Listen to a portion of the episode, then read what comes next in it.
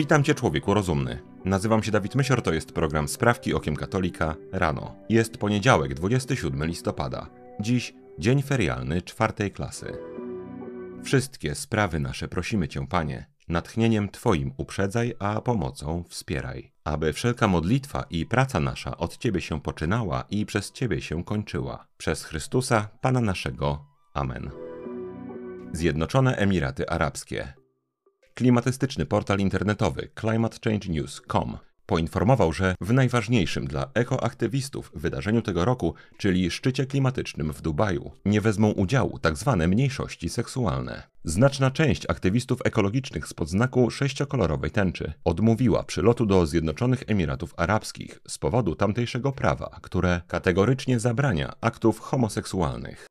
Choć arabskie służby nie ścigają za samo podejrzenie skłonności homoseksualnych, to niektórzy aktywiści LGBTQ i inne literki nie byli skłonni powstrzymywać się przez kilka dni od publicznego zgorszenia i afiszowania się ze swoimi skłonnościami.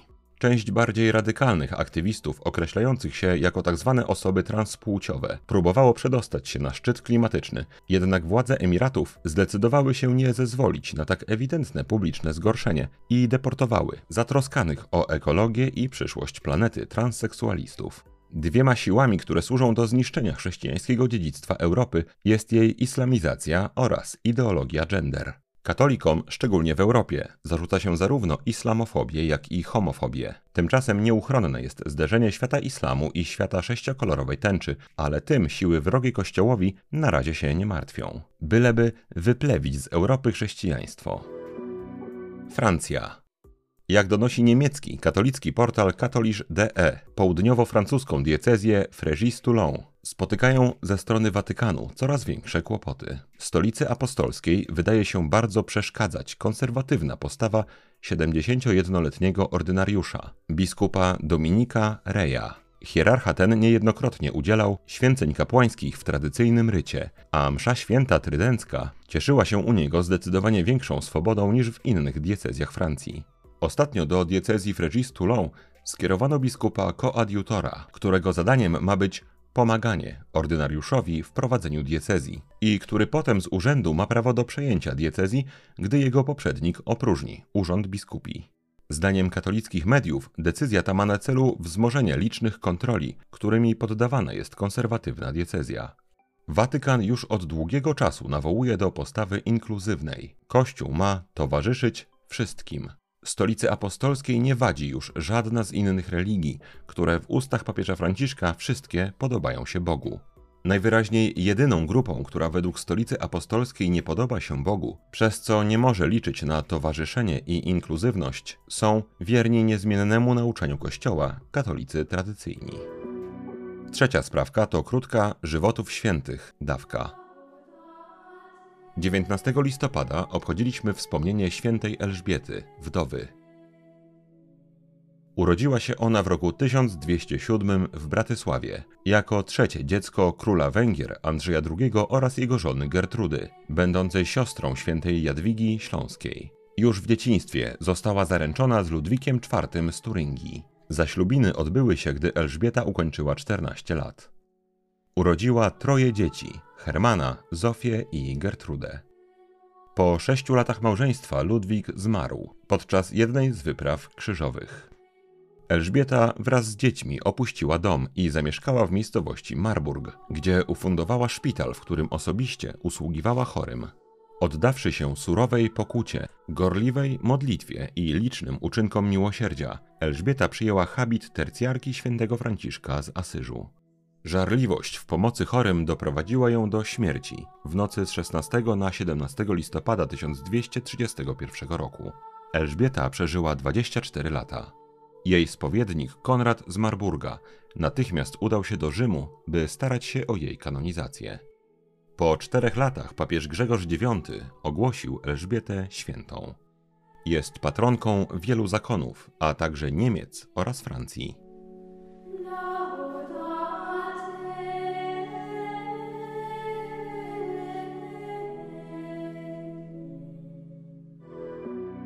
Kraj, którego patronką jest święta Elżbieta, czyli Francja, ale także cała Unia Europejska.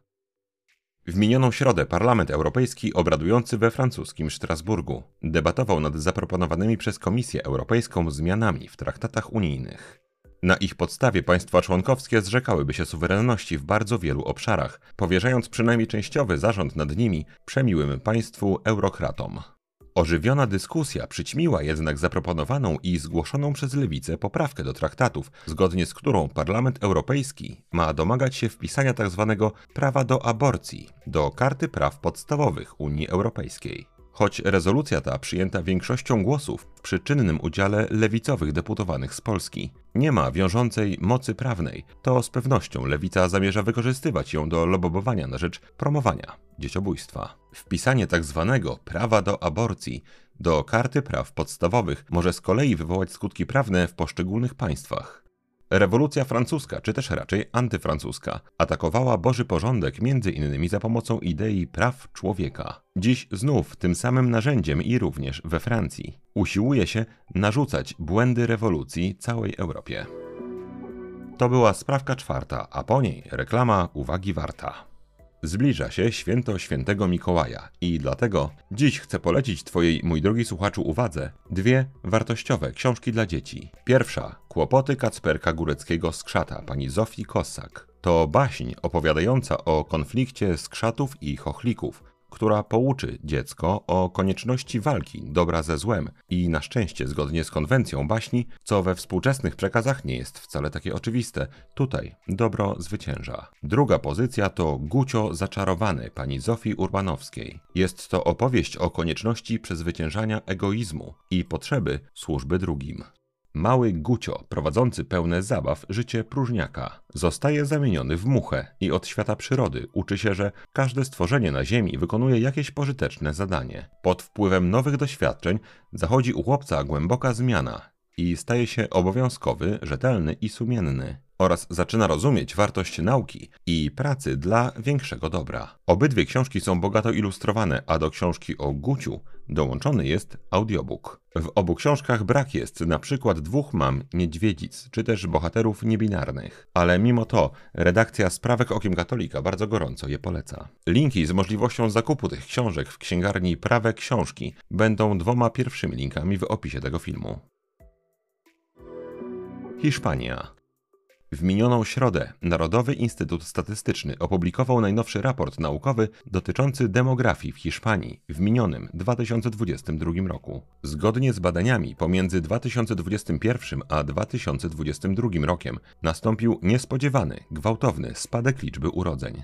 W roku 2021 urodzeń było 454 tysiące. W kolejnym roku ta liczba spadła prawie o 30% do niespełna 330 tysięcy. Była to też najniższa liczba urodzeń od roku 1900.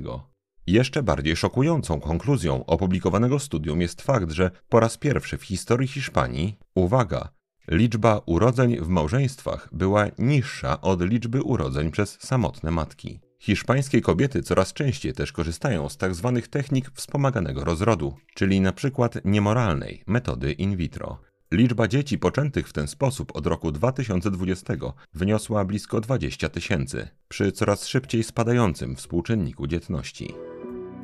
Stany Zjednoczone. Republikańscy deputowani do Federalnej Izby Reprezentantów rozpoczęli ofensywę w kwestii projektów zwiększających ochronę życia poczętego. Celem zaproponowanych zmian w przepisach jest przede wszystkim powstrzymanie państwowego finansowania dzieciobójstwa. Twarzą tej kampanii jest republikański członek Izby Reprezentantów, pan Josh Brechen z Oklahomy. Pierwszy z jego projektów zakłada zakaz finansowania aborcji ze środków Medicaid, czyli państwowego programu ubezpieczenia zdrowotnego, z którego korzystać mogą najubożsi Amerykanie. Choć przez kilkadziesiąt lat zakazane było przeznaczanie środków z Medicaid na zabijanie dzieci nienarodzonych, aktualny prezydent pan Joe Biden zmienił to w roku 2022. Drugi projekt ustawy ma za zadanie ograniczyć finansowanie przez Departament Zdrowia i Opieki Społecznej turystyki aborcyjnej oraz zatrzymać udzielanie wsparcia również prawnego w dokonywaniu aborcji przez nieletnich. Siódma sprawka to krótka katechizmu, dawka. Katechizm według sumy teologicznej świętego Tomasza z Akwinu. Część pierwsza. Bóg, najwyższy byt, źródło i Pan wszelkiego istnienia. Punkt 15. Rozum i poznawcze działanie duszy.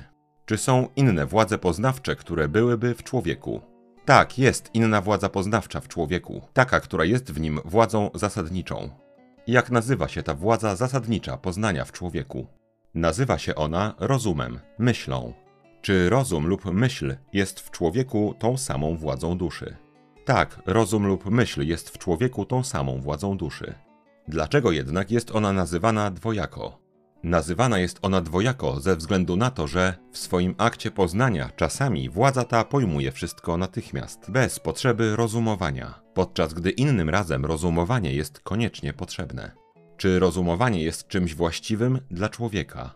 Tak, rozumowanie jest czymś właściwym dla człowieka, gdyż spośród wszystkich istniejących bytów, tylko on jest w stanie rozumować oraz ma potrzebę rozumowania. Czy możliwość myślenia jest dla człowieka doskonałością? Tak, możliwość myślenia jest dla człowieka doskonałością, ale sam fakt, że potrzebuje zdolności myślenia, jest niedoskonałością. Dlaczego możliwość myślenia jest dla człowieka doskonałością? Dlatego, że w ten sposób człowiek może poznać prawdę, do czego nie są zdolne byty niższego rzędu od człowieka, takie jak zwierzęta, które nie mają rozumu. Dlaczego sam fakt, że człowiek potrzebuje zdolności myślenia, jest niedoskonałością? Dlatego, że poprzez myślenie człowiek dociera do poznania prawdy powoli, z możliwością popełnienia błędu, podczas gdy anioł i Bóg, którzy nie mają potrzeby myślenia, pojmują prawdę natychmiast i bez możliwości błędu. Czym jest poznanie prawdy? Poznaniem prawdy jest znajomość tego, co jest. A czym jest nieznajomość tego, co jest? Jest byciem w stanie niewiedzy albo byciem w błędzie. Czy jest jakaś różnica pomiędzy tymi dwiema rzeczami, byciem w stanie niewiedzy albo byciem w błędzie? Tak, jest wielka różnica pomiędzy byciem w stanie niewiedzy i byciem w błędzie, gdyż bycie w stanie niewiedzy oznacza po prostu to, że nie zna się tego, co jest, podczas gdy bycie w błędzie to twierdzenie, że jakaś rzecz jest, gdy jej nie ma, lub też, że jej nie ma, podczas gdy ona jest. Czy jest czymś złym dla człowieka być w błędzie? Od tego miejsca zaczniemy jutro.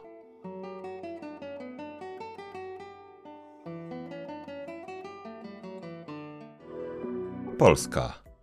W minioną środę w polskim Sejmie odbyła się debata na temat obywatelskiego projektu ustawy zapewniającego finansowanie z budżetu państwa metody in vitro. Debata była niemal jednostronna. Kilkudziesięciu posłów z Lewicy, Koalicji Obywatelskiej Polski 2050 oraz PSL wspólnie hołdowało niegodziwej i niemoralnej metodzie sztucznego zapłodnienia. Także niektórzy posłowie PiS wyrazili swoje poparcie dla niekatolickiego projektu. Wśród nich nowa jeszcze minister zdrowia pani Katarzyna Sujka, która zakończyła swoją wypowiedź słowami: Osobiście uważam, że jest to dobry kierunek, że pary w Polsce, które zmagają się z problemem niepłodności, mogą otrzymać w jakiejś mierze szeroko pojęte wsparcie refundacyjne. Z jakiegoś powodu katolicy prawdopodobnie nie będą mogli liczyć w tym wypadku na prezydenta. Szef gabinetu Andrzeja Dudy, pan Marcin Mastalerek, powiedział: Znając prezydenta Andrzeja Dudę, nie będzie on blokował projektu ustawy o refundacji in vitro. Ponownie Polska. W miniony wtorek Sąd Okręgowy w Poznaniu uchylił wyrok uniewinniający grupę 32 osób, które po wyroku Trybunału Konstytucyjnego w październiku roku 2020 wtargnęły do poznańskiej katedry i zakłóciły mszę. Sąd, rozpatrujący tę sprawę w drugiej instancji, postanowił umorzyć postępowanie karne jednej z osób oskarżonych o zakłócenie aktu religijnego, ale w przypadku pozostałych 31 osób postępowanie zostanie wszczęte od nowa. Po marcowym wyroku sądu rejonowego, który stwierdził, że choć demonstranci zakłócili mszę, to jednak nie uczynili tego złośliwie, prokuratura wniosła apelację. Sąd okręgowy podzielił stanowisko prokuratury, że w tym przypadku niewątpliwie doszło do złośliwego i celowego przeszkadzania w praktykowaniu wiary i skierował sprawę do ponownego rozpatrzenia. Zdaniem naszej redakcji to bardzo dobrze. Ostatnia sprawka to krótka rozprawka. Nie ma dla człowieka, przynajmniej na ziemi, stanu cudowniejszego, niż gdy w jego wnętrzu panuje Boży pokój. Przeciwieństwem pokoju jest niepokój, ale również wojna i konflikt. Być może chodzi tu o konflikt między przepychającymi się w nas władzami. Władze te są przez Kościół w pewien sposób wyszczególniane, klasyfikowane. Ja natomiast u siebie stosuję podział, który wydaje mi się nie być sprzeczny ze zdrową nauką, na cztery elementy takie jak ciało, psychika, rozum i dusza. Tak upragniony wewnętrzny pokój odczuwam wtedy, gdy między tymi władzami nie ma otwartej wojny oraz gdy ciało i psychika zostają poddane troskliwej, ale jednak władzy rozumu. Kilka dni temu mówiliśmy o namiętnościach, czyli uczuciach, i o tym, że należy podejmować pracę, żeby, korzystając z ich siły, nigdy się im nie poddawać, nie pozwalać, by to one decydowały o kierunku naszego życia. Dziś natomiast chciałbym powiedzieć kilka słów o ciele z jego zmysłami. Pan Bóg zechciał, żeby w naszym istnieniu wielką rolę odgrywało ciało, mięśnie, nerwy i zmysły. Z tak bardzo niskiej natury Pan Bóg chce mieć chwałę nieskończoną jest sprawą naprawdę zasadniczą, aby zmysły wziąć w karby i tak mądrze urządzić swoje wnętrze, żeby zmysły służyły duszy, a nie nią rządziły. Było to aktualne zawsze od grzechu pierworodnego, natomiast w tych czasach jest chyba jeszcze bardziej krytyczne, gdyż żyjemy w czasach, w których najcenniejszą, powiedzmy, walutą stała się ludzka dopamina, która sztucznie i nadmiernie w człowieku wytworzona może szybko uczynić z niego, nazwijmy to dobitnie, narkomana dopaminy, przez co zacznie on być niewolnikiem i służyć tej władzy, która może tę dopaminę dostarczyć. Jedną z nich jest ciało. Gdy człowiek zacznie drażnić swój mózg dopaminą przez spełnianie zachcianek ciała, rozum i dusza stają się niewolnikami, co jest stanem dla duszy koszmarnym. Co zatem powinniśmy robić? Ja mogę jedynie dzielić się tym, jak to jest u mnie. Ważne było dla mnie dostrzeżenie, że moje ciało to jest jedynie pewna składowa mnie. I ono może domagać się ode mnie czegoś, co jest dla mnie niekorzystne, szczególnie gdy niepotrzebnie i nadmiernie je rozpieściłem. Jeżeli ciało ze swoimi zachciankami ma nad nami kontrolę, jest to stan wysoce niepożądany i męczący. Ciało powinno być raczej naszym niewolnikiem niż naszym panem, niewolnikiem naszej duszy, poddanym naszemu rozumowi. Ma to być niewolnik oczywiście, w odpowiednim stopniu przez nas zaopiekowany, ale jednak znający swoje miejsce. Czyni się to przez trening odmawiania swojemu ciału spełniania jego wszystkich zachcianek. Zbliża się Adwent. Nie wiem, czy zgodzisz się z tym, mój drogi słuchaczu, ale może nie warto czekać na ostatnią chwilę z opracowaniem dla siebie sensownego planu wyrzeczeń lub chociaż jednego wyrzeczenia. Kto ma możliwość, można zapytać swojego kierownika duchowego, czy podjąć takie czy inne, nie za lekkie, ale też nie za ciężkie zobowiązanie. A dlaczego nie za ciężkie? Bo w walce o kontrolę ciało będzie dla nas zawsze godnym przeciwnikiem i trzeba mu odmawiać jedynie tyle, ile nasza wola zdoła jakby na nim wymóc. Czasem może to być jedynie niewielkie wyrzeczenie. Ja traktuję Adwent jako szansę na stanie się mniej człowiekiem cielesnym, a bardziej człowiekiem duchowym. W tym roku najprawdopodobniej podejmę kilka postanowień, z czego trzy będą dotyczyły odmawiania sobie czegoś. Dla jednych słuchaczy może to się wydać heroiczne, dla innych wręcz śmieszne. To zawsze zależy od obecnego układu sił w danym człowieku. Ja w tym roku, uwaga, uwaga, postanawiam nie jeść niczego słodkiego poza niedzielą, nie spożywać w ogóle alkoholu przez cały adwent oraz nie oglądać ani jednego filmu i ani jednego serialu przez cały adwent. Z Bożą pomocą być może uda mi się w tym wytrwać. Z doświadczenia już wiem, że rzekoma strata jest tutaj bardzo pozorna, gdyż wyrzeczenia takie naprawdę stanowią zrobienie jakby więcej miejsca dla Pana Boga w moim wnętrzu, a jak powiedziałem na początku, według mnie nie ma większej rozkoszy niż Boży pokój w naszym wnętrzu. Mój drogi słuchaczu, nie wiem co tym sądzisz, ale być może nie warto zostawiać na ostatnią chwilę pomysłu na wyrzeczenia adwentowe. Powodzenia! Maryjo, posłuż się mną dziś jak chcesz, wykorzystaj mnie jak chcesz, byle tylko choć jeden grzesznik zszedł z drogi zatracenia, poszedł do spowiedzi świętej i zwrócił się ku Panu Jezusowi. To na dzisiaj wszystkie sprawki okiem katolika rano. Jeżeli chcesz nam pomóc, daj proszę łapkę w górę pod tym filmem na YouTubie i napisz komentarz. Jeżeli chcesz wesprzeć zespół Sprawek Okiem Katolika najmniejszą chociaż kwotą, to szczegóły jak można to zrobić znajdują się w opisie tego odcinka. Wszystkim bardzo, bardzo dziękuję. Mój drogi słuchaczu, życzę Ci błogosławionego dnia. Święta Elżbieto, módl się za nami. Człowieku rozumny, trzymaj się, nie łam się i bardzo Ci dziękuję za Twój czas. Mam nadzieję, że do usłyszenia jutro. Zostań z Panem Bogiem.